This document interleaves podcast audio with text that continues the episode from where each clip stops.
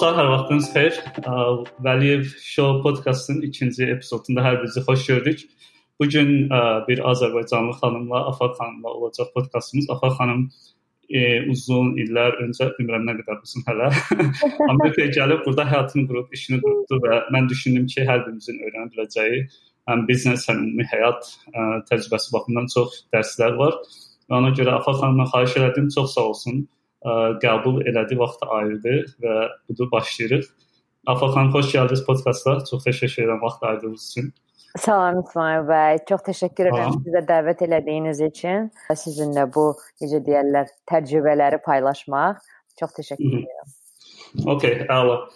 İlk öncə istəyərdim başlayaq sizin ə, xəyallarınızdan, yəni indiki xəyallarınızdan, yox uşaqlıq xəyallarınızdan. Oh, wow. Yəni, hər biriniz uşaq olarkən sonra kar karyera baxımından olmaq istədiyiniz insan var və ə, mən adətən həmişə xoşlayıram ki, ə, bir növ müqayisə etmək, yəni uşaq olarkən hansı xəyallarınız vardı, indi hardasınız və bunlar nə qədər üst-üstə düşür, üstə düşmürsə nələr dəyişir? Maraqlı məqam da elə siz mənə sualı deyəndə ə, wow elədim ona görə ki, demək 2 gün əvvəl mənim 40 yaşım tamam oldu.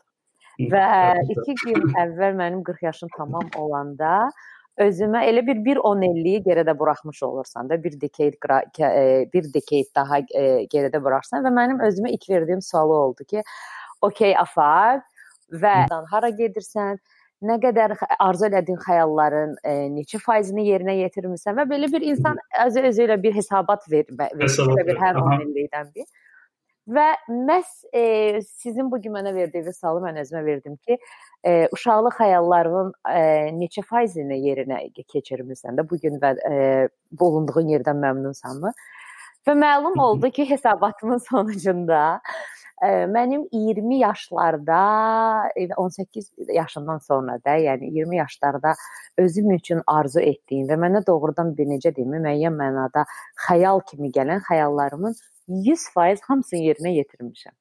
Wow. Və bu məni bir və biraz belə çox e, sevindirdi, qürurlandırdı öz adıma və başa düşdüm ki, aha, artıq yeni və bu gün mən hardasa biraz e, hardasa biraz elə bil son e, aylarda özümü eyni təkərin içində e, fırlamış kimi hesab eləyirdim və hiss edirdim ki, nəsə bir e, tra, e, şey bir e, dəyişimə ehtiyacım var. Və başa düşdüm ki, hə, mənim əslində yeni bir xəyal, o dream board deyirlər, vision board. Aha. Yeni bir xəyal e, listi yaratmaq vaxtımdır. Ona görə mən biraz harda hə. özümü ar çünki istədiyim hər şeyi yerinə yetirmişəm özümlə bağlı. Yeni xəyallar artıq e, qurmalıyam və hə, deyə bilərəm ki, mən uşaq vaxtı arzu elədiyim bütün xəyallarımı həyata keçirmişəm. və bu məhz son 7 ildə baş verib. Wow. İndi ə, əslində soruşmağı planlaşdırmadım. Başqa bir sual soruşacağam. Bu cavabınızdan irəli gəldi. Buyurun. Yəni dediniz ki, 100% bütün xəyallarımı reallaşdırmışam. Bəli. Bəs o düşündünüzmü ki, kaş ki daha böyük xəyallar olardı, daha böyük şeylər. yox, yo, məncə bilirsiniz necə? Belə deyim də sizə. Açıq deyə də bilərəm nə idi xəyallarım. Siz o, o vaxt bilirsiniz ki, məktəblərdə belə bir tendensiya var idi, xatirə dəftəri. Bilmirəm sizdə də olur ya yox. Və məndə də hələ də tuturam onları. Demək, xatirə dəftər dəftərlərində ən populyar sorulardan biridir. Ən böyük xəyalınız nədir? Harda yaşamaq istəyərdiniz? e, hansı ölkəni vizit eləmək istəyir və e, əgər də yəni hesab hes əminəm ki, 40 yaş deyirəmsə bilirsiniz ki, mən bir SSR uşağıyam. Yəni SSR dövründə böyümüş bir uşağam. Siz təsəvvür edin ki, SSR dövründə hansısa bir xarici ölkədə yaşamağı arzulamaq bu gün young e, cavan e, nəslin Marsda e, ev arzulamağı kimi bir şeydir də. Yəni Hı -hı. çünki e, SSR dövründə o qədər xaricə qarşı xaricə çıxışımız bizim limitli idi ki, o qədər düşüncə, o qədər xəyallarımız və e, necə deyim, kreativliyimiz o qədər limitli idi ki. Məsələn, mənim mən Amerikada yanında bəlkə də e, çox uşaq başı bilmirdi ki, Amerikada e, San Fransisko harda yerləşir xəritədə vaxtında. Çünki o dərəcədə qapalıydıq da biz xaricə. Və axırda ki, mənim hə və mənim xatirə dəftərində mənim ən böyük dreamim o idi ki, Amerikada yaşamaq ikinci üstü açıq maşınım olsun. İkinci e, hansı ki deyirəm də o vaxtı məsəl üçün Havay adalarını bəlkə də bilmirəm. Mən çünki o qədər coğrafiyanı çox sevirdim də. ən sev çünki o da müəllimimdən irəli gəldi. Aidə müəllimə ən sevdiyim müəllimə o da mənim coğrafiya müəllimi. O mənə elə bir e, ölkələri gəzməyi, dünyaya açılmağı çox sevdirmişdi. Ən böyük arzum səyahət eləmək idi. Və e, birinci getmək istədiyim yer Havay adaları idi ki, artıq 3 dəfə olmuşam. Hə, və iş kimi də ki, özünü harda görürsən, çox e, populyar business woman olmaq istəyirəm yazmışdım. o vaxtları yazmışam. Hələ o vaxt. Yəni onu demək istəyirəm ki, mən e, bu necə deyim, ölkədən çıxmaq, o freyimləri qırmaq, mənim qoy, qoyulu, məni qoyulan o çərçivələri e, vurub çıxmaq, onu xaricinə o qədər həmişə içimdə elə bir passion olub ki, Yəni mən o vaxtda deyim ki, məktəb xatirə məktəblə ə, xatirə dəftərində yazdığım arzular bundan ibarət idi. Ki hansı ki artıq 6 ildir Amerikada yaşayıram. İlk maşınım üstü açıq maşın olmuşdu və ə, oğlumla çox gözəl ə, Kaliforniya üzərinə road trip, qəşəng road trip eləmişdik bərabər. E, dediyim kimi oğlumla bərabər 3 dəfə hava adalarına getdim və özüm artıq e, business womanam və dediyim kimi ən böyük və uşaq sahibi olaraq da, ana olaraq da iki oğul sahibi olmaq istəyirdim həmişə. İndi də bir dənə 16 yaşında, bir dənə də 11 yaşında oğlum var. Super. Allah canları sağ eləsin. Allah bütün balaların canı sağ eləsin. Sağ olun. Yeah. Yəni çox, çox maraqlıdır. Çünki indi məsəl üçün hazırda business woman olmaq, iş qadını hmm. olmaq, öz işini qurmaq və s. bunlar artıq hər kəsin eşitdiyi, yəni hər gündəlik Ya. Ə, hər yerdə istifadə olunan şeylərdir, amma o vaxt bu çox məşhur deyil. Yox, yox, deyil. deyil. Ona görə deyirəm ki, məsələn sizə çox gözəl sual verdiniz ki, indi deyirsinizmi kaş böyük bir şeysin. O o vaxt üçün mənim arzu elədiklərim şey olduqca böyük idi. O cür limitli bir həyatda, limitli bir yaşam stilində olduqca böyük arzular idi. Hı, amma bəs ə, Təhsil necə? Təhsil harda təhsil almısınız? E, təhsilim mən e, o işim 11-ci sinif bitirəndən sonra Bakı Dövlət Universitetinin Beynəlxalq münasibətlər və hüquq fakültetinə e, qəbul oldum. Ondan sonra bir il e, getdim, oxudum EGD Tömər e, və ondan e, apply elədim, qəbul oldum Ankara Universitetində yenə beynəlxalq münasibətlər master degree. Amma təəssüf ki, e, zəhləm gedir o sözdən mentalitet dırnaq içində e, sahib e, yəni ki, sahib olduğum mentalitetdən dolayı ora, ora qəbul olmağıma baxmayaraq valideynim tək qız uşağı gedib ah, xaricdə oxumaq falan filan icazə vermədilər. 1 il məni uzatdılar ki, mən 1 il uzatdıma götürdüm ki, bəlkə sonra fikirlərimi dəyişərəm. Yenə də olmadı. Ona görə e, təəssüf ki, e, artıq o cancel olduğuna görə gəldim Azərbaycan e, Bakı Dövlət Universitetində ə, beynəlxalq münasibətlərin master dərəcəsini bitirdim. Ya, belə. Bu ə, ixtisas nə, yəni əsasını seçmisiniz? Çünki yəni biznes olmaq istəyən adətən yəni, hüquq və ya siyasət oxumaq istəmir. Ə, dediyim kimi mənim e, sən burada biraz e, ola bilər ki, mən sənə problem yaradacağam. Çünki mən çox honest bir xanımam. Fake danışmağı və hiss eləmədiyim şeyləri danışmağı sevmirəm. Hə, e, ona görə belə deyim də mən əslində jurnalist olmaq istəyirdim. Çünki mənə dediyim kimi jurnalist olmağımın ən böyük səbəblərindən biri səyahət eləmək, yeni insanlarla tanış olmaq, maraqlı insan hekayələrini qələmə almaq çox çox həvəsim var idi belə şeyə. Yenə ailəmin baskısı və ailəmin e, necə deyim, o Bakı döv Azər o vaxtı Bakı Dövlət Universitetində Beynəlxalq Münasibətlər fakülteti yeni aç açılmışdı. Hüquq idi, bir də beynəlxalq münasibət çox populyar fakültetlər idi. Necə ki, e, hamı uşağının ya həkim, ya hüquqşünas olmağını istəyirdisə, indi SSR dağılandan sonra bu diplomatiya falan filan çox populyarlaşmağa başladı. Ona görə də ailəm mənə e, dedi ki, yox, ən yaxşı fakültet beynəlxalq münasibət münasibətlərdir, beynəlxalq münasibətlərdir və mən başa mən də başa düşə bilmirdim ki, əgər burdan ailəm mənə Türkiyə mü müəyyən bir şeyləri azad qoymursa, mən beynəlxalq münasibətləri bitirəndən sonra e, məntiqən diplomat olmalıyam da. Diplomat olanda mən görüşlərə gedəndə mən deməli, xahiş edirəm, burada 6 e, stul əlavə qoyun, çünki mənim ailəm heç ara məni tək buraxmır. Mən bütün görüşlərə toplu ailəm şəklində girməliyəm. Hə, yəni bilirsiniz, bəzi şeylər var ki, onu böyüdükcə başa düşürsən də, böyüdükcə başa düşürsən ki, bəli, müəyyən şeylər var idi ki, səni idarə ol, idarə eləyirdilər və sən o idarə olunmaya boyun əyməli idin. Başqa istədiyin şeyə qarşı çıxma. Yəni bugünkü kimi bizim uşaqlarımıza öyrətdiyimiz o özünü ifadə, özünə inam, inanlığın arxasıca getmə, necə deyim, o tərbiyəsi yox idi bizdə o dövrlərdə. Valideyn nə deyir odur. Və valideynlərimin də məsləhəti ilə mən getdim həmin universitetə. Amma mənim ən böyük arzum jurnalist olmaq idi. Çünki çox istəyirdim. Yəni, of course, əlbəttə ki, o fakültetdə bitirib mənə yenə də dediyim kimi qanadlarım kəsilməsəydi, mən mənə elə gəlir diplomatiyanı da çox yaxşı şəkildə e, necə deyim, yəni işimin haqqını verərdim. Xarici İşlər Nazirliyində işləyərdim, konsulluqlara gedərdim. Özümə inanıram ki, o sferada da uğurlu ola bilərdim. Amma həyat elə gətirdi ki, mən 1-2 il Konstitusiya məhkəməsində işlədim. Bakıda, Bakıda, Azərbaycan Konstitusiya məhkəməsində və başa düşdüm ki, no, it's not for me. yəni mənlik deyil show-offlar, fake göstərişlər, yəni ki, saxta işlər. Hə, ona görə oradan çıxdım, öz işimi qurmağa çalışdım və öz işimi qurdum. Bakıda olarkən. Hə, Bakıda olanda. Öz işimi qurdum, çox yaxın. Əvvəl papamın yanında işlədim bir müddət öz şirkətimizdə. Sonra elə orada işləyə-işləyə, yəni ki, çox yaxın rəfiqəmlə bir yerdə event planningdə, yəni ki, mərasimlərin e, hazırlanması, hə, e, təşkil olunması, bəzədilməsi falan və çox da uğurlu oldu. Qısa bir şəkildə çox gözəl populyar ad qazandıq, çox da gözəl uğurlu oldu. Və sonra elə oldu. Hə, və sonra elə oldu ki, mənim bəli, e, bəzi ailəvi problemlər falan filan e, belə uğurlu ailəçiliyim olmadı, boşandım və Amerika macəram oradan sonra başladı 2013-də. Əla. Amerikaya dedim gəl gələrkən yaşamaq üçün gəlmişdiniz, təhsil üçün gəlmişdiniz.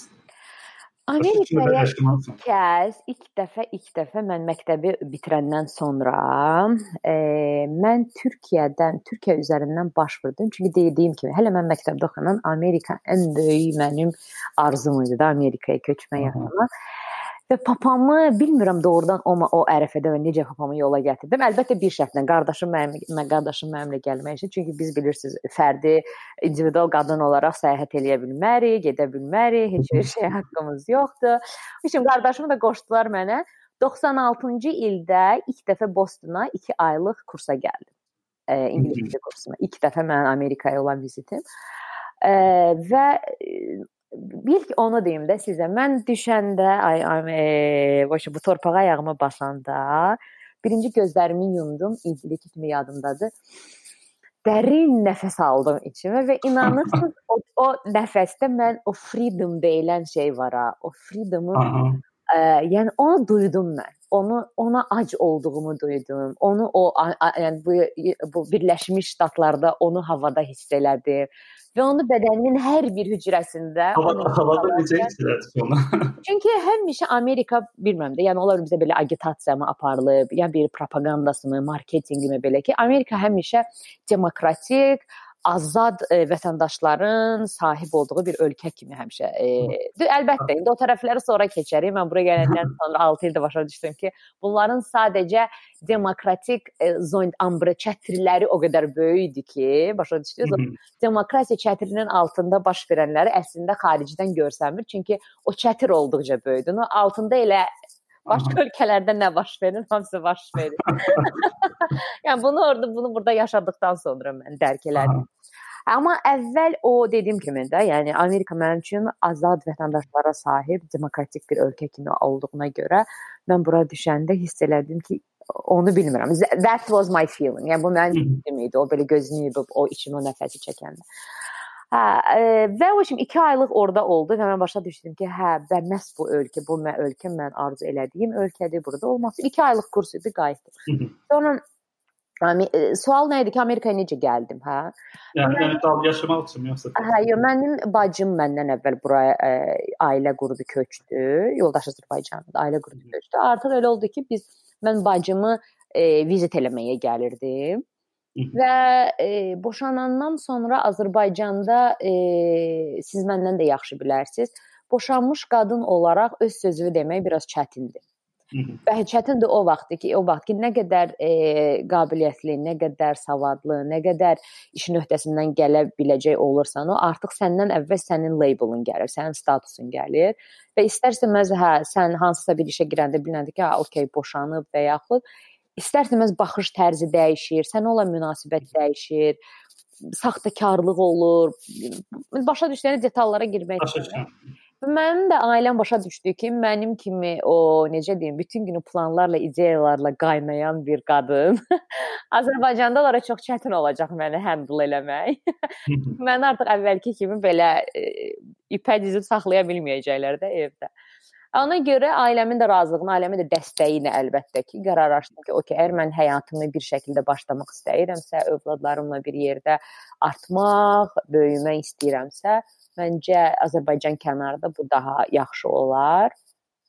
Və elə oldu ki, artıq bacım da, yoldaşı, e, balaca bacım da mənim artıq burada təhsil alırdı. Yəni ailənin bir müəyyən üzvləri burada olduğuna görə mən e, Bay Area-ya, Silikon vadisinə gəlməyə qərar Təzə gələrkən, yəni deyirsiniz ki, əvvəlcə yəni gəlmədən Amerika haqqında fikirləriniz vardı, azadlıq, yeah. demokratiya və s. və Yəni gəlib də belə deyim, xəyal qırıqlığı yaşadığınız nələr oldu?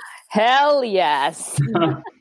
belə deyim də, yəni daha o qədər şey deyim ki, hətta bu bir silly səslənə bilər. Silly-ni bilmirəm tərcüməsi nədir Azərbaycanda. Axmaqdır.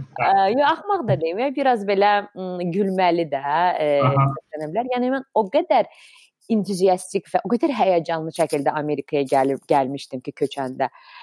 İlk dəfə hə, ilk dəfə bir ay gəldim köçməmişdən qabaq biraz bir razvedka üçün də nə eləyə bilərəm, burdan nə gəlsəm, uşağımla gəlirəm, nətər olacaq. Sonra getdim, qərarlaşdım ki, aha, gəlib hardan başlayacağam. Getdim, övladımı gətirdim. e, gələndən köçəndə təsəvvür mənim çamadan, çamadanım e, Amerika bayrağı şey şəklindədir də üstündə. Yəni o dərəcədə üstə ət tökən. Ya, amma o ki, həyəcanım və sevgim də mənim bu ə, məmləkətə olan sevgim. Bəlkə də keçmiş həyatımda burada doğulmuşam, bilmirəm. Ha, o işim ə, gəldim o xatırlayıram ki, 2 ildən sonra o çamadanı zibilliyə elə atdım ki, bir daha görməmək üzrə. Hə, Düzdür, belə danışanda mən e, e, necə deyim, ungrateful e, səslənmək istəmirəm. Çünki mənim son e, bu 6 7 ilə keçirəm də uje e, əldə elədiyim öz adıma olsun, karyeram adına olsun, dünya görüşüm adına olsun, uşaqlarımın üzərinə e, böyüməsində və özünü ifadə etməsində təsiri olsun. Çox şey öyrənmişəm. Demək olar ki, mənim illərdir 33 yaşıma qədər arzu eləyib də yaratmaq istədiyim afaqı məhz son 6 ildə Amerikada yaratmışam axır ki. Sözünü deyə bilən, özünə güvənən, istədiyini əldə eləməkdən qorxmayan, müəyyən mənada cəsarətli, qorxusuz. Hə, yəni bunu son 6 ildə əldə eləmişəm. Bunun da məhz səbəbkarı Amerikada yaşadığım e, e, enişlər, yoxuşlar, çıxışlar olub sözün əsl mənası necə bizdə deyirlər, e, necə də döyül dəmir döyülmədən bərkiməz söhbətində, hə? Yəni Amerika məni yaxşıca döydü, bunu deyim. Ona görə də Amerikaya biraz belə e, həm minnətdaram, həm də biraz içimdə hirsliyəm. Ona görə biraz o kəmişə şirin e, münasibətim Amerika ilə ondan ibarətdir. Amma burdan bilmirəm, bəlkə də növbəti sual o Yusuf bəlkə də sualınızı indi cavablandırmış olacağam ki, buraya gəlmək istəyənlərə məsləhətim E, sualı soruşmaq istəyirdim. Elə indi hə. indi deyim, hə. Okay, çünki bilirəm, ya xroni xroniki olaraq sual bunlar belə gəlməlidir. e, amma bir şeyi 100% anladım ki, Amerikaya məqsədsiz gəlinməməlidir. Amerikaya məqsədsiz gəlin gəlinən, ancaq əgər sən adventurous, belə macəracı bir ruhun varsa, sən sadəcə bilmədiyin yerə gedib bir şeylər e, try eləyən bir ruhun varsa, hə, yəni elə insanlar, amma insanların çox praqmatik, biz simbol Azərbaycanlılar qarantiyası olmayan yerə ömründə ömründə baş vurmaq istəməz. Yəni ki, Amerikaya ya təhsil baxımından, ya karyera baxımından, ya nə isə öyrənmək baxımından müəyyən mənada məqsədsiz gəlmək biraz hə, yönünü bilməyən o necə deyim, o gəminin savrulması kimi bir şeydir və bu şansa şans. Amma %100 Amerika e, fürsətlər ölkəsidir. Amerikanın azər bizim gəldiyimiz məmləkətlərdən fərqi odur ki, Amerikada çalışırsansa, işləyirsənsə və müəyyən mənada e, savadın, qabiliyyətin varsa, sənin uğur əldə eləməyin e, %90 e, realdır. Yəni uğurun əlbəttə ki, həcmləri ola bilər, az, çox, amma ki sənin e, bə əməyin bəhrəsiz qalmayacaq. Ona görə e, məncə tənbəl insanlar Amerikaya gəlməsin. E, böyük xəyallar eləyənlər samasa boy. Xəyal eləmək çox. Çünki əvvəl xəyal eləməlisən ki, onu həyata keçirməlisən. Amma burada Amerika is like about hustle. Yəni ki, ə, e, əziyyət çəkməlisən. Amerikada bir şey əldə etmək üçün əziyyət çəkməlisən. Çünki nə bilim mənə biraz ona görə şey gəlir. Çünki mən 33 il Azərbaycanda mən hətta haqqında bir dənə məqalə Femigrant e, şey var idi. Ə, platforma elə bir female immigrantlar da az Amerikaya gəlmiş female immigrantların əldə elədiyi kimi uğurlar, kiçik biznes ownerlar və orada hətta mənim artiklimin adı belə gedirdi ki, e, sarayda yaşayan kör prenses. Şahzadə, sarayda yaşayan kör şahzadə də belə deyim. Çünki hər bir rahatlığımız var idi, hər bir şeyin var idi, amma kör kimi idim. Yəni ondan o tərəfə dünyada nə baş verir, necə həyatlar var, həyatda insan necə mücadilə verir, necə böyüyür və mücadilələr insanı necə dəyişdirir, bunların hamısından xəbərsiz idim. Allah super. İndi ə, işlə bağlı soruşacağam. Bizneslə bağlı. Ə, mən ilk görəndə ki, ə, sizi bilmirəm, sizi e, kimsə ortaq tanışlardan bir nəfər məlumat vermişdi. Mən sizin Facebook profilinizdə mənə gördüm görməmiş. Baxanda ki, kargo sahəsindəsiz. Çox təəccübləndim. Çünki bu onsuz da ki yeni bir sahədir ə, e, və mən özüm də Əlçinlə danışmışdım bir dəfə, maraqlanırdım sahədə. Həm biznes başlamaq üçün, həm yeah, yeah. ümumiyyətlə belə deyim də, kargo sessiyaları almaq üçün. Hmm. Yəni mənə çox maraqlı gəldi. Dedim, wow. yeah. Um, yəni mən bilmək istəyərdim. Siz niyə bu sahəni seçdiniz? Nə oldu seçdiniz? Çünki ə, e, kargo haqqında ümumiyyətlə ə, qısa məlumat versəz dinləyicilər, mən əminəm ki, məlumat olmayan yeah insanlar da var. Ə, Onda əvvəl birinci başladım ki, necə oldu? Dediyim kimi, bəs məsələn bayaq da vurğuladığım kimi Amerika fürsətlər ölkə ölkəsidir. Çünki Aha. çox ummadığın yerdən elə bir ani şəkildə elə bir fürsət qarşına çıxa bilər ki, yəni ki, sadəcə sən beyin olaraq və ona hazır olmasan. Mən həmişə ətrafımdakı dostlarıma da məsləhətim odur ki, e, o qarşınıza bir çox opportunity çıxa bilər, amma qarşıda çıxan opportunityləri beyin olaraq, ruhən özünüzü hazırlamalısınız. Amma siz bir müəyyən bir şeyə atılımcı ruhunuz yoxdursa, hazır deyilsinizsə, başa düş. Yəni içinizdə həmişə o fear, o qorxu varsa, cəsarətsizlik varsa, sizin qarşınıza açılan qapılardan belə o qapıdan keçmə keçməyək, qorxu qoymayacaq sizə o qorxu. Davam, davam eləmədən bir əlavə bir sual soruşacağam. Yadınızda. Okay. Bir şey vurğuladınız, istəmirəm unudum. Dediniz ki, davamlı hazır olmaq, yəni fürsətlər, insan yeah, fürsət çıxanda hazır olmaq. Misal üçün bir insan deyir, tamam hazır olmama necə? Nə məsələ görürsən sonra? Necə hazır? Mental, mentalı özünü hazır eləməlisən ki, məsələn mənim qarşıma bu təklif çıxanda mən e, mən deyim ki, mən yeni bir ölkədəyəm. Mən əgər mən burada qorxsam, özümü qorxaq, bir şeylər denib eksperimentlərə açıq olmasam, mən elə durduğum yerdə qalacağam. Çünki mənim Bakıda a, master degree-si olmuş, müəyyən iş sahibi olan, statusu olan afaq. Burada mən 3-cü e, e, sinif e, legal Meksikan immiqrantlarından heç bir fərqim yox idi. Çünki heç kim LinkedIn-in belə yox idi, yəni ki və burada adi sənin LinkedIn akkauntunun olmaması Çünki insanlar bir-birlə LinkedIn elə bir sənin professional Facebook e, şeyindir də, akkauntun başa düşür. Və bizi Azərbaycanda elə bir e, şərtlərdə işlə işləyirdi də, yəni 2000 2000-ci il başlanğanda like who cares about LinkedIn? Yəni LinkedIn kim kimə LinkedIn-dən ulaşmağa çalışırdı ki? Məsələn mən ilk kəz burada başa düşdüm ki, mənim LinkedIn akkauntum olmalıdır ki, o mənim elə bir bir e, social e, professional profilım kimi. Hə, və burada başa avtomatik burada ikinci sual odur ki, what are you doing? Например. Hə, və mən artıq özümü hiss eləyirdim ki, yox, ya mən eksperimentlərə hazır olmalıyam, Mən cəsarətli olmalıyam. Qarşıma çıxan müəyyən bir maraqlı təklif varsa, ondan qorxmamalıyam. Əslində get, öyrən, araşdır və özündə onu o ə, cəsarəti necə deyim, yəni ki, keep up, yəni self confidence və öz güvənini artır. Bunu bir şəkildə Aha. yəni ki, beyin olaraq, mental olaraq ona hazır olmalısan. Yəni o baxımdan. Məsələn, mənə bu təklif gələndə bunu mənim bacımın yoldaşı bir gün gəldi. Mən artıq 2-3 il idi köçmüşdüm bura. Dil kurslarına gedirdim, project management e, e, sertifikat proqramı götürmüşdüm 1 illik və məhz o project və bu təklif gələndə mən artıq o 1 illik project management sertifikat proqramı bitirmək üzrə idim və həmin proqram da mənə 1 illik OPT verirdi. OPT də bildiyiniz kimi iş eksper, iş təcrübə vizasıdır. Amerikada işləmə icazəsi. Amerikada işləmə icazəsi 1 illik sadəcə təcrübə üçün. Aha. Hə və elə oldu ki, mənim e, bacımın yoldaşı gəl gəldi ki, a, mən də vaxtı insomniyam var idi. Yaxşı yata bilmirdim də, çünki gəlmişdim yeni fikirlər, nə etmək lazımdır, jet laglar bir tərəfdən. Təsəvvür eləyirdim ki, hər gün günorta mən nəp almalıydım. Yəni uşaq bağçada necə bizi günorta yatızdırırdılar. hər gün günorta mən yatmasam mən e, function eləyə bilmirdim. Aa, в общем, elə oldu ki, gəldik ki, by the way, belə bir şey çıxıb var. Mən o gün getmişdim. Mən araşdıranda gördüm ki, onda insomniyaya da xeyirlidir. Mən onda San Fransiskoda yox, biraz 45 Stanfordun yanında Palo Alto deyilən şəhər var, orada yaşayıram. Ə, ki bəs belə ım, çox ya maraqlı bir terapiyadır. Girirsən bunu ən çox ən çox atletlər, yəni ki, idmançılar istifadə Aha. edir.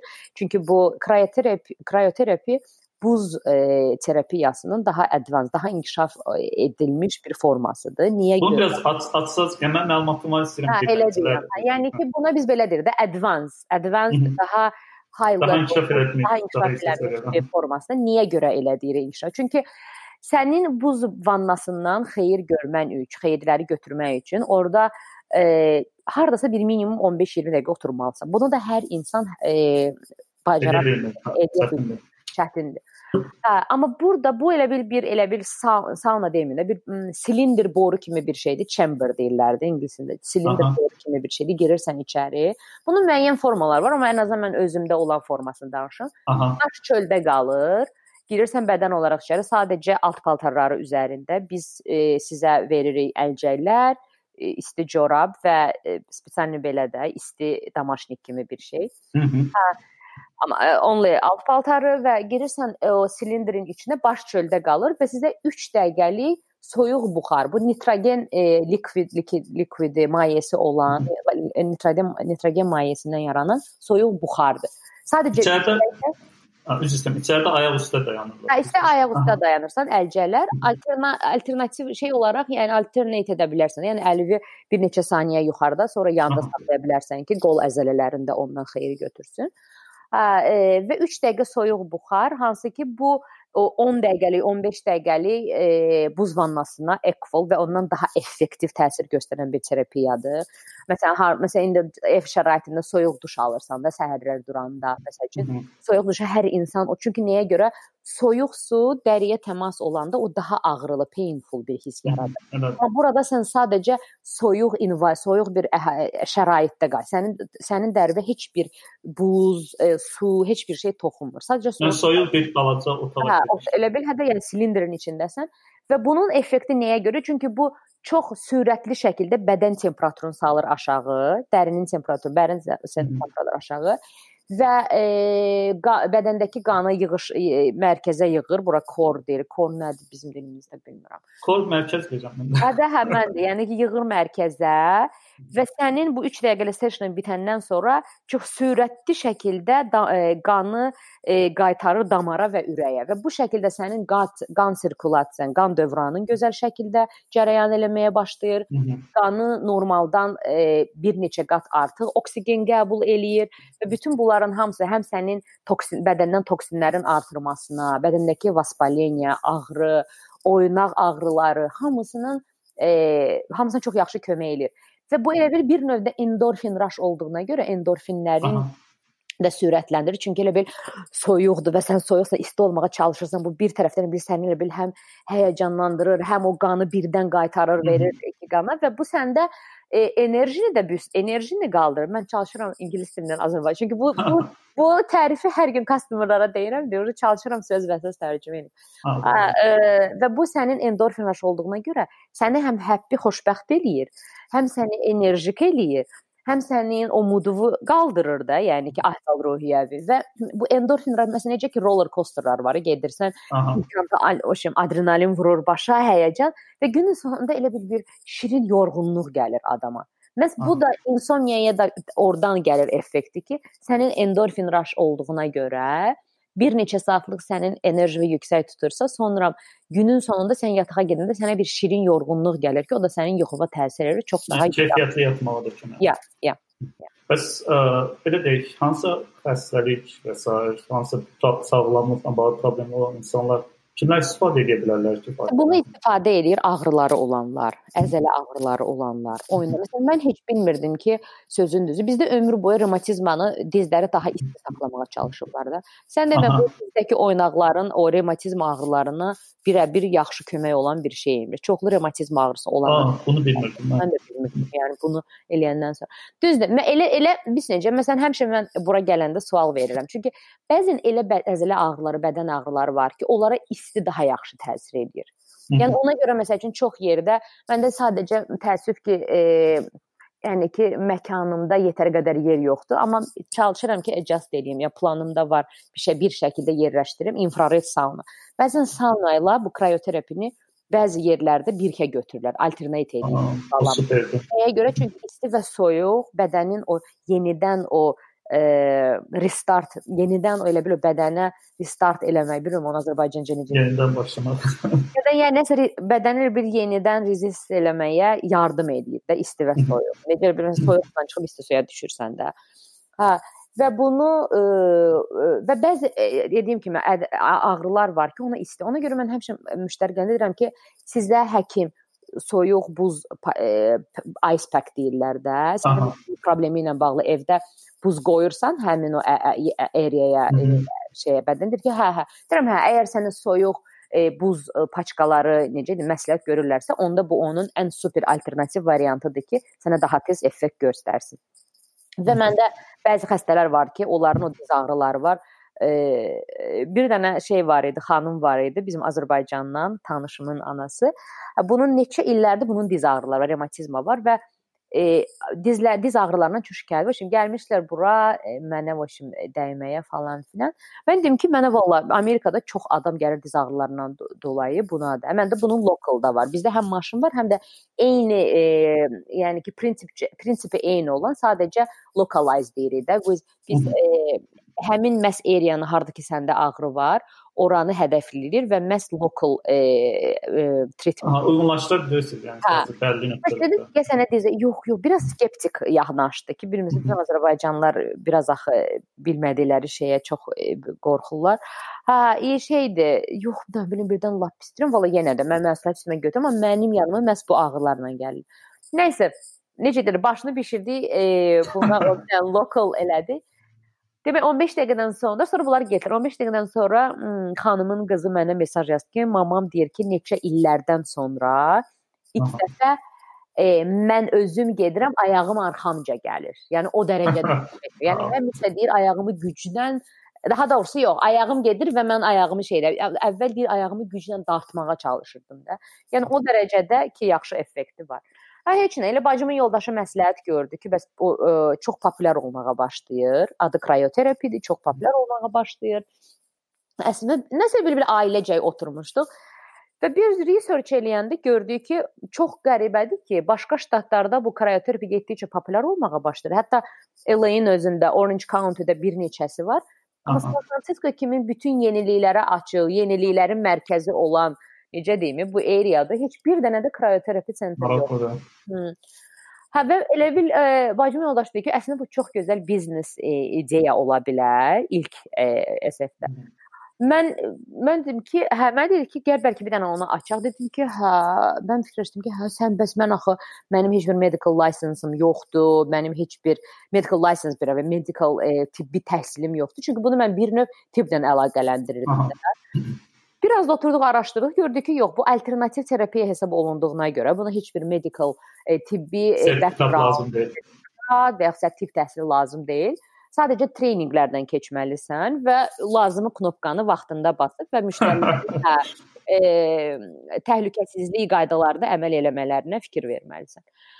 Elə bil o moment e, özüm özümə dedim ki, yəni afaq bir yerdən başlamalısan da, yəni bu qorxmamalısan. Hər şey öyrənməyin, hər şey öyrənməyin e, əsasındadırsa, bunu da sən öyrənəndən sonra və nə lazımsa onlardan keçəndən sonra məncə burada qorxulu bir şey yoxdur. Əlbəttə ki, qorxulu bir tərəfi o idi ki, Amerikada biznes e, idarə eləmək, Amerikadakı insanların müştəri e, biz necə, yəni ki, münasibəti, e, tələbkarlıq, diqqət, e, ehtiyat, bunların hamısı çox önəmli şeylərdir.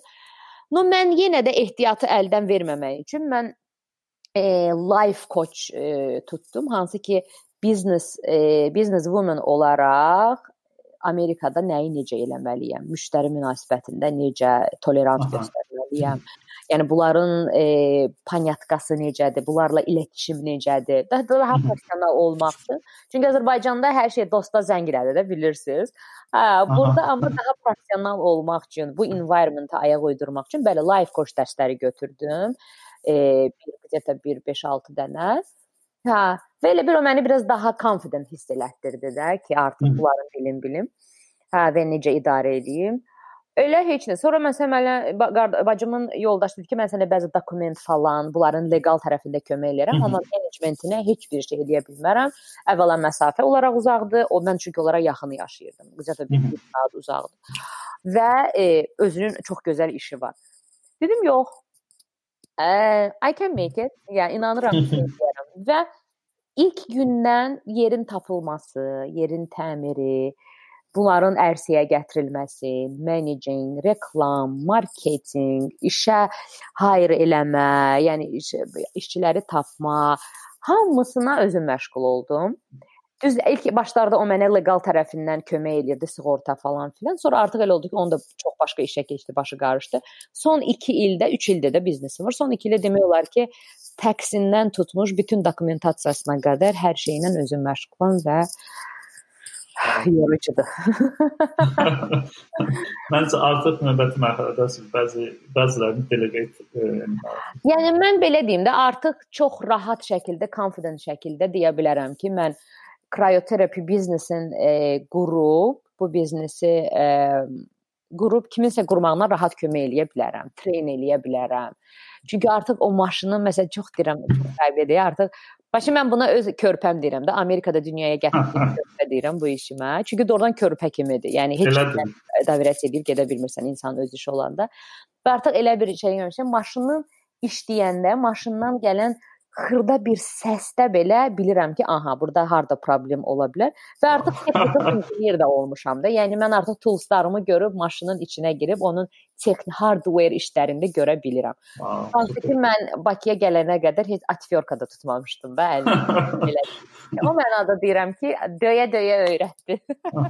Bəlkə də bu e, ə, podcastdan sonra Azərbaycanda bu işə də mən senar olacaqdı. More than welcome. Yəni siz düşün, düşünmüsünüz Azərbaycanda? Azərbaycanda mənə təklif eləyənlər olub sözün düzü. Amma məndə bilirsən necə mən Amerikada çox da düşünürəm ki, hərdən ger gedim geriyə. Belə bir şey deyim də mən bu dəfə getdim Bakıya, 2 ay Bakıda qaldım. Rahatlığım əla. Necə deyirlər, o deyir, yeməd, yediyim önündə yemədiyim məsələsi də. Hə, bu gün hər gün 6:30-da duraraq dururdum saat 11-də, 11 AM. Amma mən bir şey başa düşdüm ki, o rahatlıq mənə batdı. Nə mənada batdı ki, çünki mən o qədər produktiv, başa düşdüm ki, mən produktiv olmalıyam. Bəli, mən rahat yaşamaq istəyirəm. Yəni hamı kimi istəyirəm ki, rahat daha yaşam olsun, daha sərbəstliyim olsun, freedom olsun. Çünki bu da məni indi bir cürə e, trapped eləyir də. Yəni belə bura bağlanıb qalmışam. Çünki e, necə deyim, yəni bu biraz da balaca biznes biznes modelidir. Bu holding deyil də. Yəni biznesdir. Bir dənədir bu dəqiqə məndə store. Və butik biznes olanda elə bir o qədər özün hər bir şeyə sahib olursan ki, sən gedəndən sonra sənin qədər bu ferma, fer, performansı göstərə bilmir. Nə qədər yaxşı işçi olur olsun. Hə, Və mən başa düşdüm ki, Azərbaycanda çox təəssüf eləyirəm, çox təəssüf eləyirəm ki, ən böyük problem problem ətalətdir. Yəni insanlarda öz in, öz inkişaf adına heç bir şey irəliləyiş yoxdur. Mən başa düşdüm ki, mən Azərbaycanda 2 ayda okey gəzməyə getmişdim, bir şey yoxdur, amma mən gedib Azərbaycanda yaşamağım üçün mütləq bir işim olmalıdır, bir produktivliyim olmalıdır. Yəni burada hər gün mən eyni işi görsəm belə İsmail bəy, hər gün nə isə öyrənirəm. Hər gün nə isə bir yeni bir şey öyrənirəm. Kafeyə gedirsən, restoranlara gedirsən, insanlar hamısı xəyallarından danışır, planlarından danışır sabahla bağlı danışır, dəyişimlərdən, trans transitionlardan, başa yəni ki, həyat var da, başa düşürsən ki, sən inkişaf edən həyatın içindəsən və biraz ağlın, cəsarətin varsa, sən ona kipap eləyəcəksən və özünü böyüdəcəksən də. Yəni Bakıda Bakıda Bakıda bu işi adsız, yəni bizdə romantizması olan çox insanlar var. Yaxşı marketinqi eləsən və mən öz biznesimdə məsələn burada özüm öz biznesimin simasıyam deyə bilərəm də. Yəni mən Kradaj Instagram səhifəmdə də mən özümlə bağlı çox şey paylaşıram, müştərilərlə bağlı, özümüz biznes siması olmağa çalışıram. Bakıda da yetəri qədər böyük e, networkum var və inanıram ki, orada biznes açsam, hər halda məndən network qurmaq, kimləri sonra cəlb etmək çətin olmaz. I mean, açıqam, təkliflərə açıqam. Yəni kimsə doğrudan ciddi mənada necə deyim, yatırım eləyib, iş qurub, chain eləmək istəsə, I am all in. Ola bilər ki, kimsə maraqlanar ki, mən nə qədər yatırım lazımdır. Buna kobudca bir cavabınız var. Misal üçün minimum bu işi görmək üçün kimsə. Bilməm, əgər paylaşmaq istəyirsinizsə. Yəni detallara indi yəni, hər, hər insan sizə hər insan sizə yəni, yazmasın, o mənada deyiləm. Hayır, yox. Hə başa düşdüm. Yox, məsəl üçün e, belə deyim də, e, elə insan var ki, deyir ki, mən istəyirəm öz malım olsun, yəni bəri başdan əvvəlcədən almaq istəyirəm. Amma Amerikada bu şeyləri açanda lease-lə də eləyə bilirsən. Yəni o lease optionları, e, lease nədir bizdə Azərbaycanda? Lease e, kiralamaqdır deyəsən. Kiralamaq kimi. Kiralama kiralama deyəndə maşın almaq. Finans eləməkdir. Onu aylıq Aha. ödənişlə eləyirsən. Yəni Amerikada belə optionlar və rahatlıq çox olduğuna görə eləyirsən. E, nə bilim, Yəni ki, kim istəsə əlaqə saxlasa danışa bilərik də, baxarıq. Okay. Ya. Aha. Anladım. ya. Əla. Um, yenə başqa e, bir sual var, hansı ki, yəni soruşmağı planlaşdırmamışdım. Siz ə, e, vurğuladınız coaching. Mən özüm coaching bizneslə məşğulam. Ə, yəni belə deyim, daha doğrusu həm özüm coaching almışam, həm özüm çox sayda insana coaching vermişəm. Ə, Mən maraqlıdır Aha, biraz. Burada verirsiniz coachingu. Mən məndən də sizə sual gəlsin birdən. yəni bu şəxsi həyatmı, biznesmi, konsul, yəni konsultasyonumuz nədən ibarət olur? Mən adətən ə, belə deyim, biznes psixologiya qarışıq mövzularda müraciət e, e, e, edirlər. Yəni ki, münasibətlərdir və sair şəxsi həyat bu, bu mövzuda heç bir şey inanın çünki bilmirəm, yəni o mövzuda heç nə heç bir məsələ verə bilmərəm. Sadəcə ümumiyyətlə biznes və psixologiya qarışıq bu, bu mövzularda adətən müraciət edirlər və mən də o mövzularda coaching vermişəm. Son 2 ay, 2 ay, 3 ayda heç bir ə, coaching eləmirəm çünki başqa üzərində işlədiyim işlər var. Baxdım ki, həm podkast, həm o işlər, həm öz işim, həm full time işim heç cürə çatdıra bilmirəm. Yeah, yeah. Belə dayandırdım. Yeah. Ə, amma mənim coaching verdiyim mövzular bunlar. Yəni mövzu olaraq da desək, özgüvən, məhsuldarlıq, yeah. planlama, strateji düşünmə, davranış dizayn olunması, vərdişlər, iradə gücü, disiplin, yəni bu mövzular hamısı. Yeah, nice. Yeah, mən də elə mənə də elə şeylər öyrədirdilər o köçü gedəndə. Amma ki mən özüm də çünki bir ara bu bu son günlərdə planlaşıram. Çünki mən başa düşdüm ki, bayaq da onu dedim ki, sual nə idi by the way? Ha, mən bilmək istəyirdim ki, siz coaching aldığınız müddətdə, yəni koçunuzdan öyrəndiyiniz və yaxud da ümumiyyətlə coaching prosesindən öyrəndiyiniz və sizə çox faydalı olan nə oldu və ya nələr oldu? Birinci səbir. səbir, yəni ki, burada müştərilərlə çünki mən mən bir əslində mənim ona e, başvurmaqda söhbətim oldu ki, məndə biraz anger management problemi var idi. Çox əsəbləşəndə e, biraz o əsəbləri idarə edə bilmirdim. Hə, yəni temperimi idarə eləyə bilmirdim. Çox əsəbi idim. Başa düşdüm ki, burada da e, elədir ki, yəni müştərilərlə birbaşa işləyirsən və hardasa yəni ki, hər cür insan var da, hər cür e, tempera sahib olan insanlar və bütün o da kim olmaq lazımdır. hə, aynen. Yəni ki, məndəki mən kimi də insan və belə bir biznes hansı ki, birbaşa servisi də özüm eləyəcəm. Müştəri ən böyük ən böyük oraya gedəndə məqsədim o idi. Yəni onun üzərində biraz işlədik ki, anger managementi kontrol eləmək, biraz ignorance olmaq, daha səbirli olmaq, hər şeyi personal götürməmək, bu bir işdir və insan, yəni ki, bu məndə də servis xidmətidir. Customer servisi necə mən yaxşı şəkildə, yəni məhz o customer servisin əslində biznesin uğrunda nə qədər böyük önəmi var. Ona görə də customer service cəhətindən baxaraq bir, bir az o vəziyyəti tolerə eləmək və hər şeyi çox şəxsi qəbul eləməmək adına. Hı -hı ki, onları öyrəndim və onları və indi də eləyəm və mən əslində bildim ki, bu dəqiqə mən elə vəziyyətdəyəm. Mənə e, daha doğrusu püxtələşmişəm ki, e, challenging customerlar mənə ləzzət eləyir. Yəni ki, gəlir hə çətin müştərilər, yəni xarakterli, daha belə hətta özündən razı, birbaşa birinci gələndə sənlə öz arasında belə buz divarı çəkir. Məsələn danışanda, məsələn mən danışanda mənim üçün göz təması çox əhəmilidir də. Məsələn danışanda üzvə baxmaq istəmir. Onda məndə belə bir sarkastik gözəl bir gülümsəmə yaranır ki, tam yerinə gəlmisən.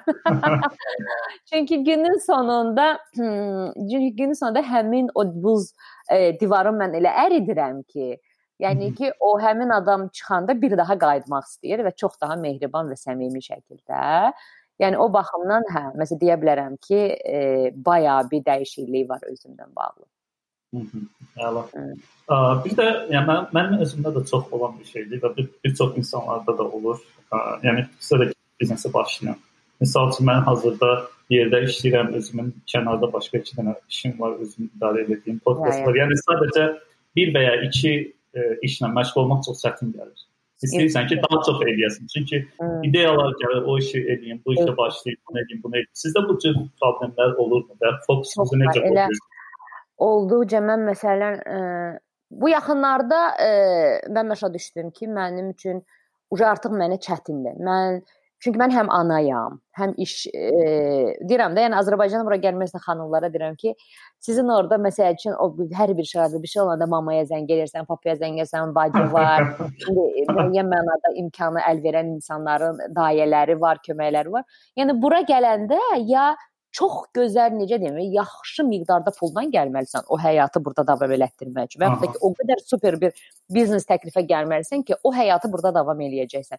Yox, o həyatı burada e, təmin eləmək kimi bir imkanın yoxdursa, həmin o e, sürücü də özün olacaqsan, dayə də özünsən, yeməyi bişirən də özünsən, biznesmen də özünsən, businesswoman da, evi yığışdıran da hər şey özünsən. Yəni ki, bunu bunu bunu düş ona görə deyirəm ki, bura məqsədli şəkildə gəlmək lazımdır, yoxsa right away depressiyona düşərlər. Hə.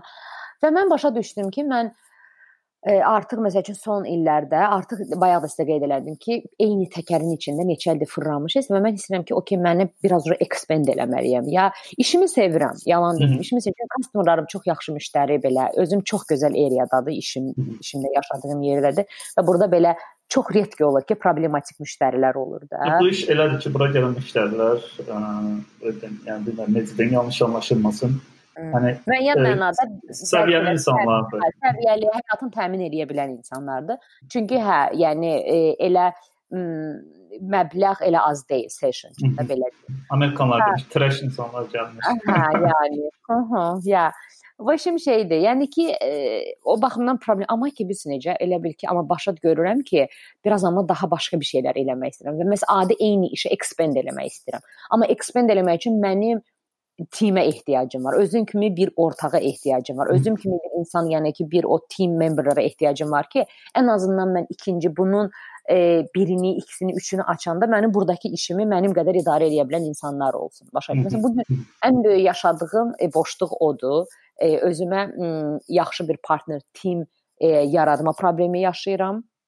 İkinci odur ki, mən e, son 3-4 ildə o qədər intens, intens işləyirəm ki, mən başa düşdüm ki, mən uşaqla övladlarım böyüyür və mən övladlarımın bu necə deyim uşaqlığını mis eləyirəm və bu mənə bilmirəm, bilmirəm bu yaşlı nədir ki, bu mənə çox təsir eləməyə başlayır və son günlərdə başlamışam ki, necə iş tapa bilərəm ki, remotely çalışa bilim də. Yəni mən günün hər gün ofisdə olmaq məcburiyyətində olmayım.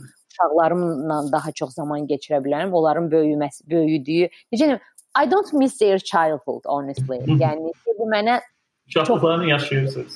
hə. Və indi life coach ona görədir ki, maraqlanım çünki məndə personality olaraq, personality olaraq insanlar mənimlə bir şeylər şeir eləməyi xoşlayır. Onu xoşlamaqdan əlavə özlərini rahat hiss eləyirlər mənimlə danışanda. Və görürəm ki, ətrafımdakı bir çox insan e, hələ mənim heç bir professional coach, psixolog falan elə bir diqrim olmadan, elə bir texniklərim olmadan, yəni ki, ətrafımdakı insanlar istəyir nələrsə danışıb və çox trust yarada bilirəm. Sonra fikirləşdim ki, Timboli mən insanlarla da danışmaqdan yorulmuram. Özüm də danışmaqdan yorulmuram belə. Hə, demək o necə deyirəm, o deyir, Allah tərəfindən belə bir qabiliyyət verilib mənə ki, az çox danışıq qabiliyyətim də pis deyil. Yəni eşitdiyim kənardan feedbacklərə görə. Nəyə görə mən e, tək e, professional tek, e, texnikləri öyrənməyim və bunu bir e, professional bir e, müstəviyə e, keçirməyim, bir degree olmasın, sertifikatım olmasın. Və mən də life coach maraqlanıram bu dəqiqə. Maraqlanıram götürməyə. Hardasa 6 aylıq bir proqram tapmışam ki, bu işimi də eləyə biləyim. E, amma part-time özümə bir menecer tapım, full menecer tapım ki, işin müəyyən, həftənin müəyyən günləri gəlim bura. Yəni hər gün burada olmağa məcburiyyətində olmuyum. E, və o biri vaxtlarımda boşananda rahat travel eləyim. Məsələn, travel eləyəndə də müəyyən bir neçə seans götürüb sənə sadəcə laptop lazımdır da. Yəni orada ofisdə olmaq məcburiyyətində deyil. Necə ki, belə e, danışırıq. Hə və o da bir həm müəyyən, həm xoşladığım işdir, həm də müəyyən bir gəlir mənbəyi də ola bilər də. Və bu sayədə mən övladlarımla daha çox travel eləyib, gəzib, həm də onların yanında ola bilərəm. Hı -hı, anladım. Amma e, məsələn bu iş mənim gündəlik gün ərzində 10-12 saatımı rahat alır. Başqa wow. heç bir proyekt üzərində işləyə bilmirəm. Bəli. Hı -hı. Əslində bir ona feedback verim. Yəni siz artıq 3 3 il dediniz də bu işdəsiniz. Hı -hı. Yəni 3 il artıq məncə ə, ə, kiməsə bəlli bəlli işləri, öhdəlikləri hansı ki siz edirsiniz. Yeah.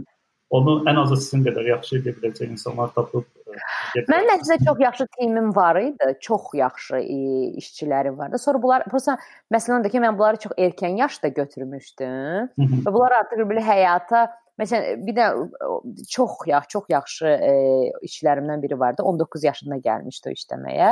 Sözün əsl mənası mənim qədər öz ürəyin qoyurdur. Məsələn, bu 1 il e, high school-dan sonra break götürmüşdü də, fasilə götürmüşdü college getmək üçün.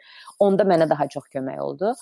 E, amma indi məsələn college-a gedir dərsləri imkanı şey, başqa başqa şəhərə köçmək istəyir. Başqa bir işçim yaxşı iş e, təklifi aldı, köçdü Portland-a, nə bilim.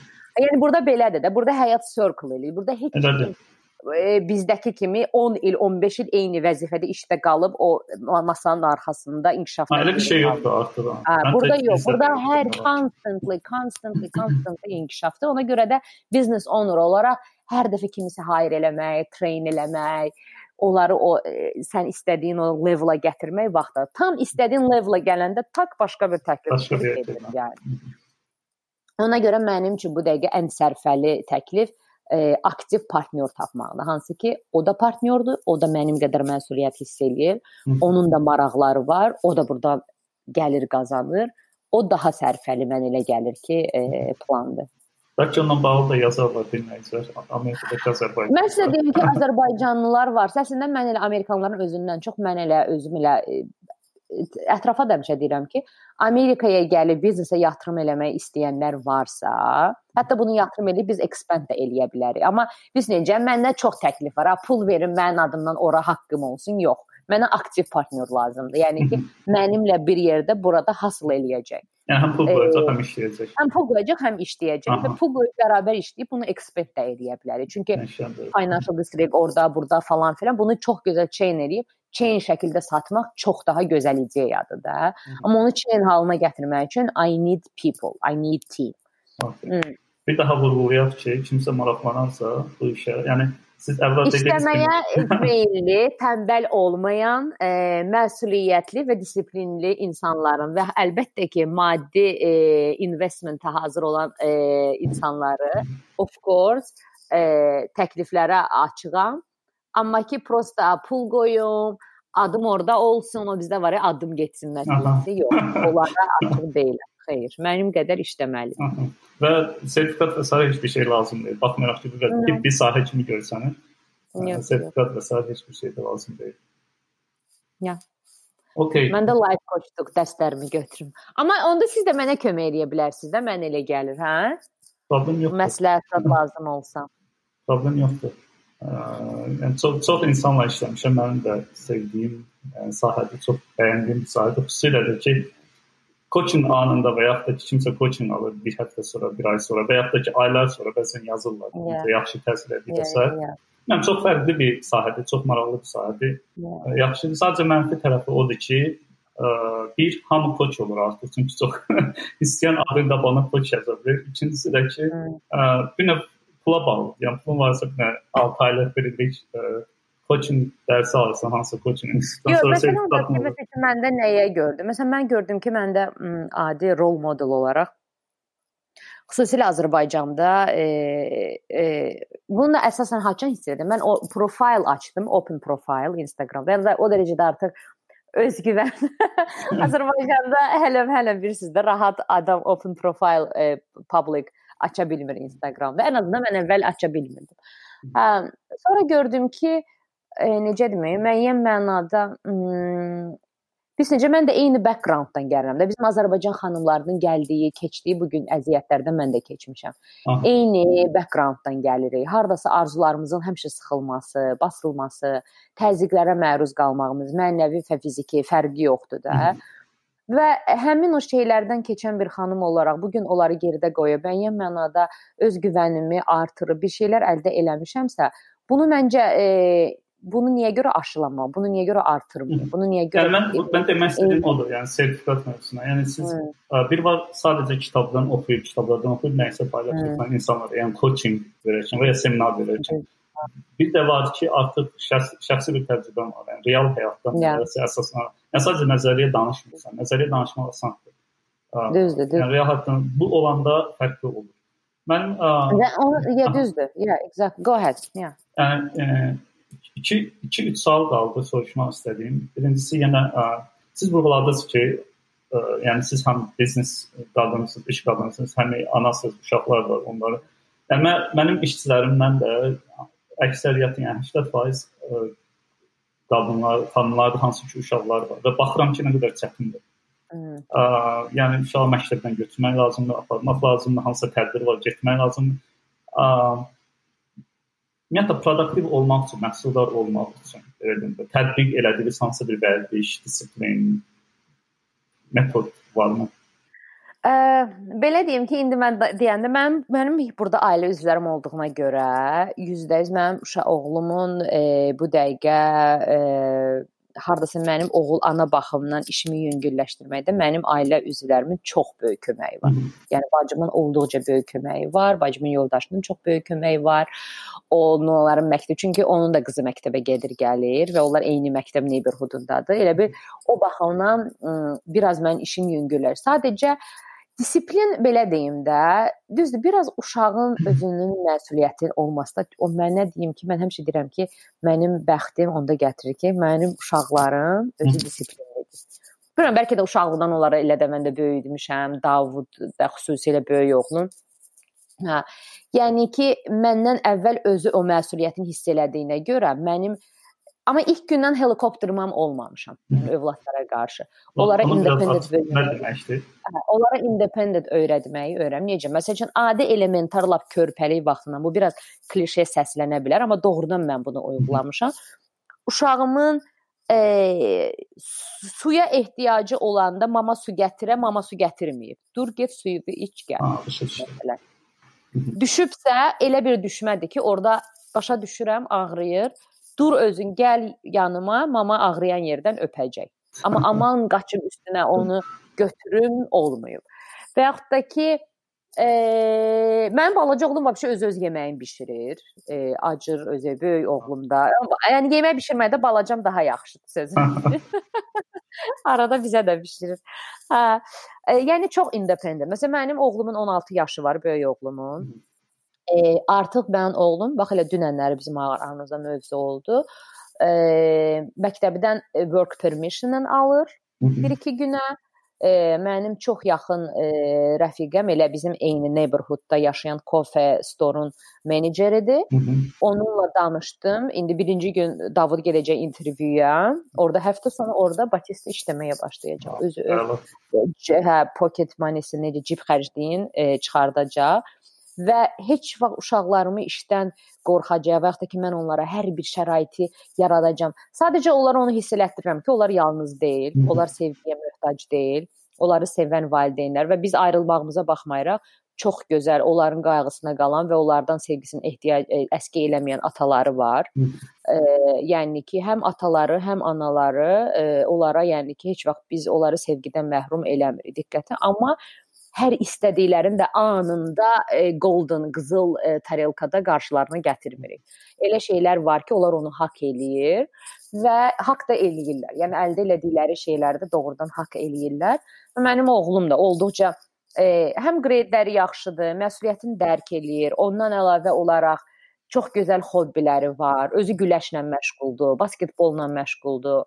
E, hobbi olaraq fotoqrafi çox sevir və mən də məsələn o fotoqrafi sevirsə, mən ona e, ad bilmirəm necə deyim, o ad günlərində olsun, müəyyən burada Christmas bayramlarında e, hansısa bir bahalı bir ayaqqabı, bahalı bir əşya almaqdansa onun fotoqrafi skillslərində kömək ola bilən, məsəl üçün bahalı bir lens almağı tərcih edirik. Başa düşdün? Və yaxud da ki, hansısa onun bir e, professional, məsələn, buna ilə növbəti e, hədiyyə mənim ona demişəm ki, inşallah önümüzdəki bayramların birində və yaxud ad günündə sənə e, o şey öz özündən pianino çalmağa başlayır. Çox sevir. YouTube-dan öyrənir, oyunur. Ona balaca bir sintezator kimi bir şey alacaq. Yəni o yatır mən o şeylərə yatırım eləməyə e, çalışıram ki, show off üçün yox, amma onun e, daxili zənginliyi olsun, savadı olsun, o şeylərdə ona kömək olan şeylərə hər bir şeyə ona dəstək eləməyə hazırıq. Amma uşağımızı da işə və əməyə meylli böyüdürük belə deyim. Allah super. Ya. Um. Amma ya, hər gün FaceTime-ım olur. Hər yəni fiziki olaraq hər dəfə gün boyu yanında ola bilməsəm də məktəbdən gələn kimi FaceTime eləyirik hara gedirsə getsin, gedə bilər. Sadəcə olduğu yerdən məlumatım olsun. Eee, bilirsən gecədə fishingdən gəlir, balıq tutmağa gedirlər. Deyirəm ki, prosta mənə denən, ora getdim və oradan çıxanda bilim ki, səni harda axtarım. Amma belə əlbəttə uşaq experience eləməlidir, təcrübə eləməlidir, görməlidir, götürməlidir. Kaliforniya kimi yerdə böyüdürəm mən onu. Yəni ki, Kaliforniya yəni başa düşdünüz nə, hər şey leqal olduğu yerdə. Evet. Mən onu belə qapalı, hər şeydən bixəbərdir. Mən uşağımın mənim 13 yaşı var idi. Mən gətirdim ona balaca bir broşur verdim. Bütün e, narkotik maddələrin küçə adları və e, onların görüntülərindən tutmuş hər bir şey. və mən bunu ona verdim, o oxudu. Çünki mənim uşağım Amerikada böyüyür, Kaliforniyada böyüyür. Mən uşağımın belə hər şeydən asosial, izolə olunmuş, ağ belə bir e, qarğa kimi də böyüməyini istəmirəm. Hı -hı. Amma uşağımı rahat cəmiyyət içinə buraxanda da onun artıq hər bir şeydən məlumatlı olmağını da istəyirəm ki, özün lazımı yerdə qoruya bilsin. Hı -hı. Və 13 yaşında ona mən yavaş-yavaş başladım ki, bax bu narkotik maddənin gətirdiyi nəticə budur. Bu narkotik maddənin iyi budur, dadı budur. Bunun gətirdiyi bax nəticə budur. Videolar olsun, şəkillər olsun. Məsələn mənim oğlum bu dəqiqə yayda papasının yanına da gələndə deyir ki, papa, başa düşürəm, çətindir, amma səndən çox xahiş edirəm biz olan yerdə siqaret çəkmə. Wow. Çünki mən istəmirəm ki, mən siqaret çəkən görüm. Və sağ olsun atası da hörmət edir, uşaqlarım olan yerdə siqaret çəkmir. Super. Bəs məqbuldur. Elə bir şey bir Azərbaycanlı olaraq, yəni uşaqlarımızda Azərbaycana hansı nələrisə ə, belə deyim, bir növ görmək istəyirsinizmi və ya görmək üçün nələrsə edirsinizmi? Bəli, mən ona e, Azərbaycan mahnıları qulaq asdırıram. Mən o məni söyür, mən onu söyürəm, amma ki onu söyürmədən şey eləmirəm. Hə, ki qoy qulağı eşitsin. E, bayramlarımızda məsələn biz necə ailə bağlılığı. Məsələn burada düzdür, müəyyən mənada bunların o şeyi mən başa düşürəm. 18 yaşında uşağı sərbəst buraxmaları. Amma mən uşağımı sərbəst buraxmağa çalışıram, amma ailə dəyərlərinin itirməsinin e, qabağını alaraq. Yəni ki, Məsələn mənim nə ol məsafələr də olsa ailə üzvləri kimi burada yoxdur. Onlarla onun arasında olan münasibətlərin həmişə e, kommunikasiya communication eləməyinə sağlayıram.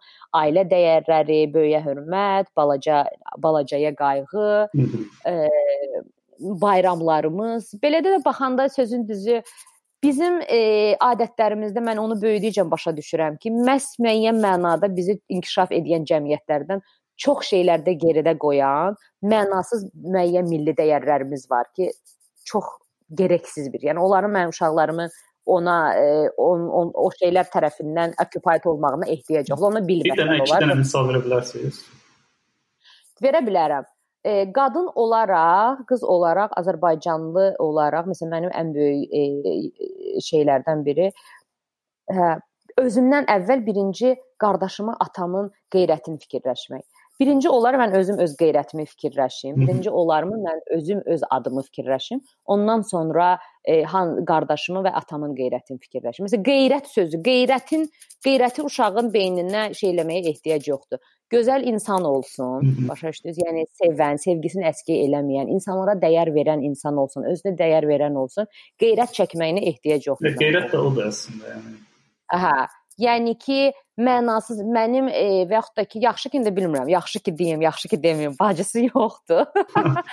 hə, şeydə, amma məsəl üçün onun bacısı var deyə, bacısı mənim oğlum daha rahat, e, necə demə, playboyluq eləsin deyə, bacısının hər yerdən məhrum eləyə biləcək bir Azərbaycanlı beyinə sahib olmağını istəmirəm. Başa düşdünüz? Yəni bacısı bacısı yoxdur amma cousinları var da, bacı, xalası qızları var və xalası qızlarına hər bir şəkildə support eləməyini istəyirəm onu. Yəni təzyiq göstərməkdən. Allah super, çox maraqlı oldu. Son bir sual soruşacağam. Ondan sonra əgər sizin əlavə eləmək istədiyiniz nəsə varsa davam edərik, yoxsa sağollaşarıq. Biz ə, təxminən məncə bir aydan çoxdur ki, bu intervyunu schedule eləmək istəyirik gah sizdə alınır, gah məndə alınır. Yeah, təbii yeah. olaraq da, təbii olaraq da bu bir ay müddətində çox ə, danışdıq. Mən bir şey diqqətimi çəkdi ki, ə, sizinlə bizim aramızda 3 saat fərq var. Siz adətən çox erkən saatlarda o, artıq oyanmış olursunuz. Bunu bir vərdiş kimi edirsiniz, yoxsa sadəcə o saatda oyanırsınızmı? Məndə artıq vərdəm vərdiş kimi olub bu sözün düzdür. Amma e, mən bir şey başa düşürəm ki, doğrudan erkən mən oyananda daha produktiv oluram Hı -hı. və produktiv olmaq mənim üçün çox əhəmilidir. Və mən öz evimdə məsəl üçün zaf e, e, breakfast e, Qəhvaltı. Səhər yeməyi nədir Azərbaycanda? Qəhvaltı, qəhvaltı, qəhvaltı, qəhvaltı. Qəlyanaltı nədir? Yox, qəhvaltı. Qəlyanaltı mən bildiyim qədərilə qəhvaltı ilə lunch məncə. Günorta yeməyi. Aha. Nəysə, breakfast deyək də elə. O breakfast ümumi milli, ümumi international word Məsələn, e, öz evimdə breakfast eləyib çıxmağı xoşlayıram özüm. Özüm özümə e, breakfast hazırlamağı xoşlayıram. Ona görə də erkən saatda dururam. Rahat qəşəng yeməyimi yeyirəm hazırlaşıram və müəyyən məsəl üçün maillarım falan çünki erkən günün başında uje dünən axşamdan gələn bəzi şeylər var ki, artıq onları elə bir e, sort out eləyirəm də gözdən keçirdirəm. Hı -hı. Hə, daha elə bir o mənə zaman qazandırır. Rahat səhər durub evimdə öz rutinimi eləmək üçün bir səhər. Çünki mən səhər durub qaçaqaç, ay geyin, yarı yuxulu gəl işə elə xoşlamıram. Hə, amma məsələn onu da məsələn daha e, işə daha e, olur ki, məsələn çox vaxt erkən olduğuma görə və rutinimi tez bitirirəmsə, işə erkəndən gələndə işi o bəzi şeyləri e, yazma olsun, işi portfolyoya səliqəyə salmaq olsun mənə daha çox vaxt qazandırır. Hı Və əvvəllər vəbşi arada break də götürdüm. Artıq axır günlərdə başa düşdüm ki, yox. Yəni biz əvvəl işi təzə açanda maksimum şəkildə müştərini məmnun eləməyə çalışırsan, maksimum. Aha. Daha sonra artıq elə bir bəzi şeylər reisdən oturandan sonra başa düşürsən ki, müştəri ilə sənin özünün şəxsi iç rahatlığın, məmnuniyyətin equal olmalıdır. Necə, ona görə necə, də yəni? Necə yəni? Məsəl üçün ə, məsəl üçün belə deyim də, artıq bu məndən məsələn müştərinin təklifi, istəyi deyək requesti mənim öz e, fiziki və daxili rahatlığımı pozan bir şeydirsə, artıq onu rahat şəkildə cancel və schedule eləyirəm.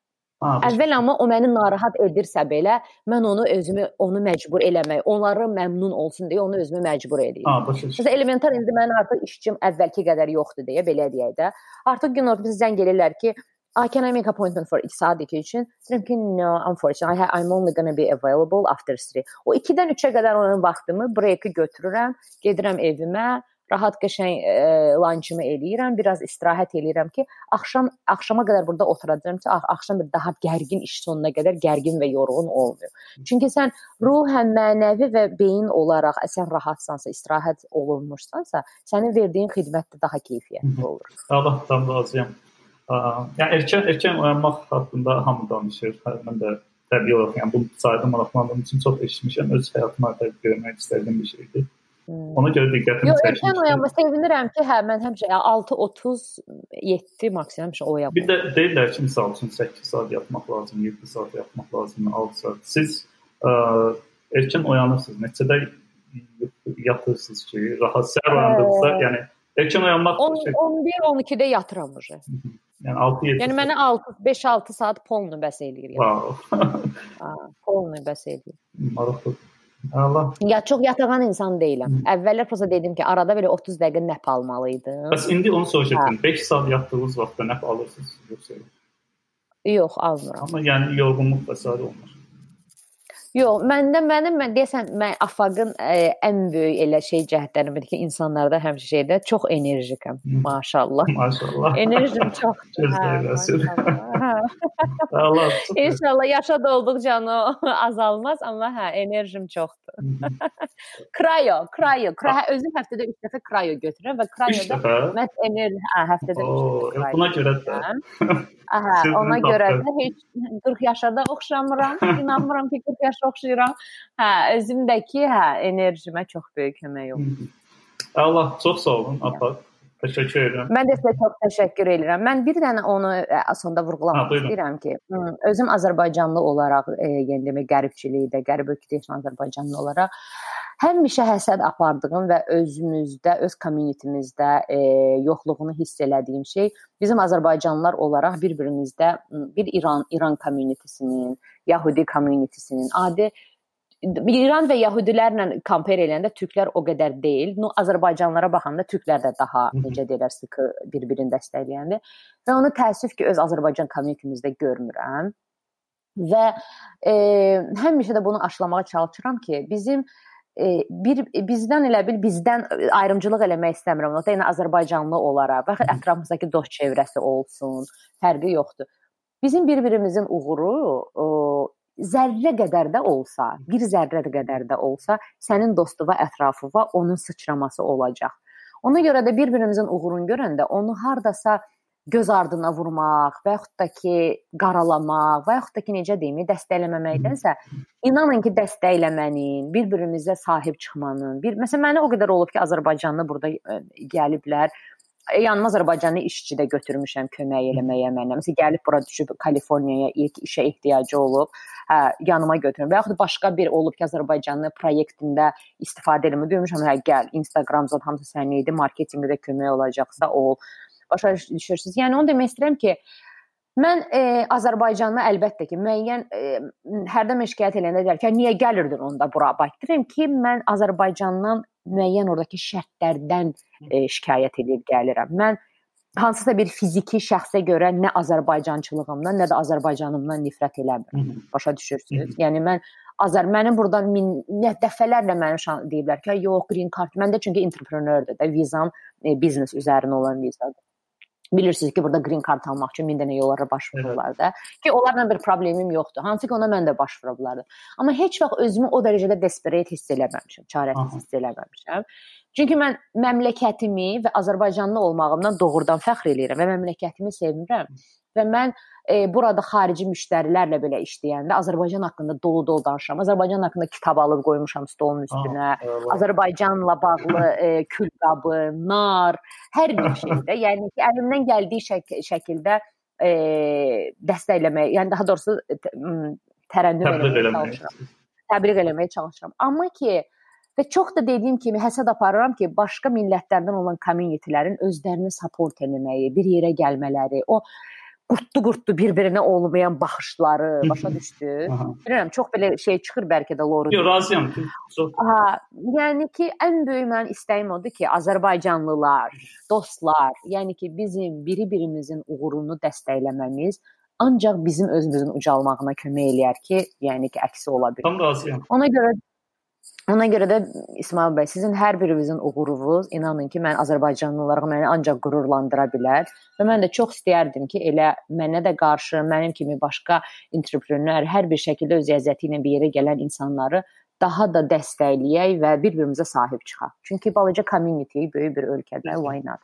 Və ona görə də ki, məni bu gün bura dəvət elədiyinizə görə çox təşəkkür eləyirəm sizə bu təcrübələrimi, necə deməyim, mənə bölüşməyə şərait yaratdığınız platforma üçün təşəkkür eləyirəm. Mən təşəkkür edirəm. Çox sağ olun ki, gəldiniz. Maraqlı oldu. Bu podkastda ümid edirəm bu belə deyim, bir növ uğurlu olan bir-birimizdən xəbər tutan Azərbaycanlıları belə deyim, bir növ tanış edəcək. Yeah. Hər kəs buraya gətirəcək.